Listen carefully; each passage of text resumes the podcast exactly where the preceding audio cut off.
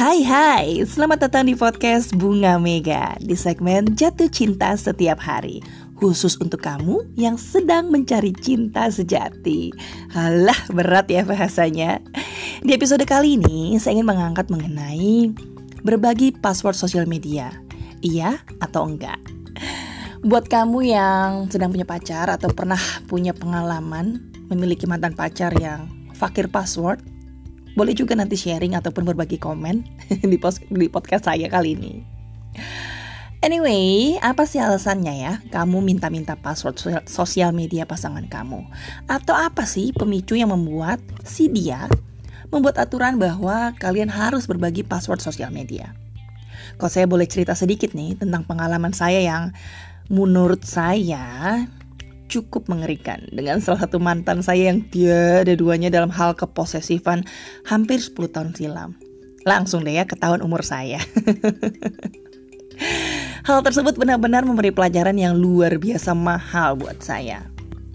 Sang mantan ini adalah orang yang memulai sebuah budaya cek handphone, minta password, ngecek last call, last dial, dan bertanya kenapa sih A telepon, kenapa sih B telepon, and it happens for every single day.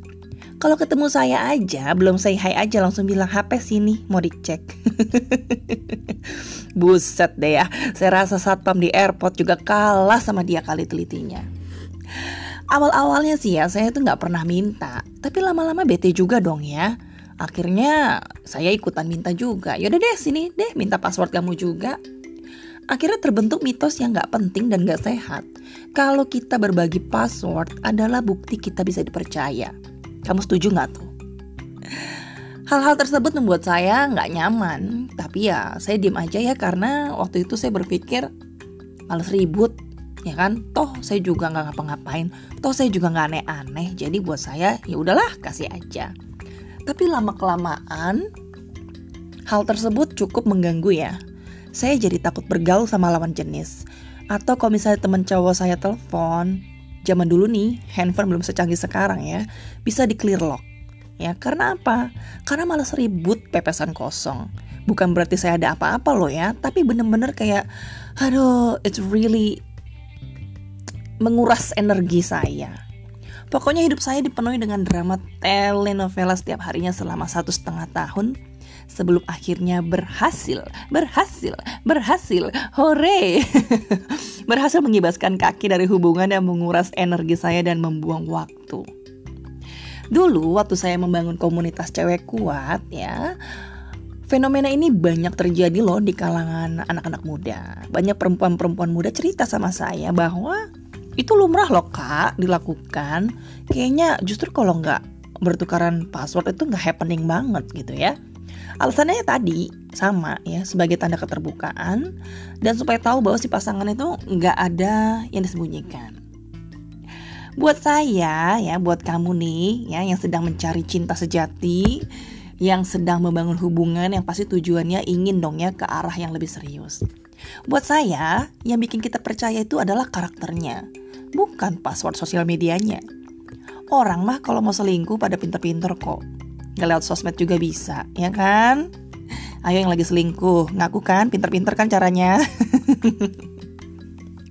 Anyway, meminta ataupun berbagi password sosial media bukanlah hal yang bermanfaat di masa kamu pacaran. Apalagi ini ya sampai tahu tentang password ATM, password email dan lain sebagainya.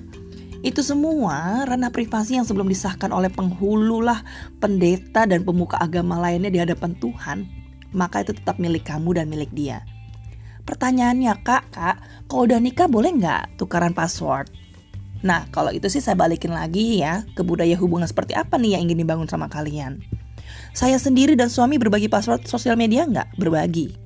Tapi dengan tujuannya bukan untuk saling ngecek lebih kepada just in case. Artinya, jika saya ataupun pasangan saya terjadi apa-apa, maka kami bisa mewakili pasangan kami untuk standby, menghubungi keluarga, menghubungi kerabat, atau memberikan berita yang dibutuhkan oleh lingkungan kami. Gitu.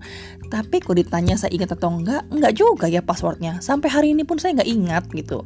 Karena ya sesimpel tadi kami tidak pernah saling membuka. Dan juga mungkin buat saya ya, yang udah merit ini nih, kayaknya lebih penting tahu password ATM dibanding password sosial media. Karena lebih penting transferan ya. Enggak sih sebenarnya basically we are too secure to each other we are trust each other's character dan itu semua dibangun dari pacaran loh ya jadi kalau kamu lagi pacaran please please bangunlah budaya yang sehat ya kami sudah saling tahu dan paham latar belakang keluarga kami, kebiasaan kami bergaul dengan lawan jenis, dan keterbukaan komunikasi lainnya. Jadi buat kami ya, saling tahu password sosial media nggak penting-penting banget juga ya. Karena semua yang penting udah kami sharing langsung dong. Jadi di sosial media menurut kami nggak ada yang nggak ada yang krusial lagi gitu. Nah buat kamu nih yang penting adalah selidikilah karakter pasanganmu, analisalah nilai-nilai hidupnya, bukan sosial medianya. Bangunlah komunikasi dan keterbukaan, bukan kecurigaan. Karena pacaran adalah saat yang paling penting nih untuk membangun budaya. Kira-kira kamu sendiri mau bangun budaya seperti apa? Jika masih banyak pertanyaan seputar pacaran sehat, coba deh kamu main-main ya ke Instagram saya di @bunga mega atau boleh mention saya juga di Twitter di @bungamega. Boleh juga baca tulisan-tulisan saya di website www.bungamega.com. Monggo silakan bisa sharing-sharing, bisa cerita sama saya juga. Saya dengan senang hati bisa membantu kamu untuk selalu jatuh cinta setiap hari. Sampai ketemu di episode selanjutnya. Dah.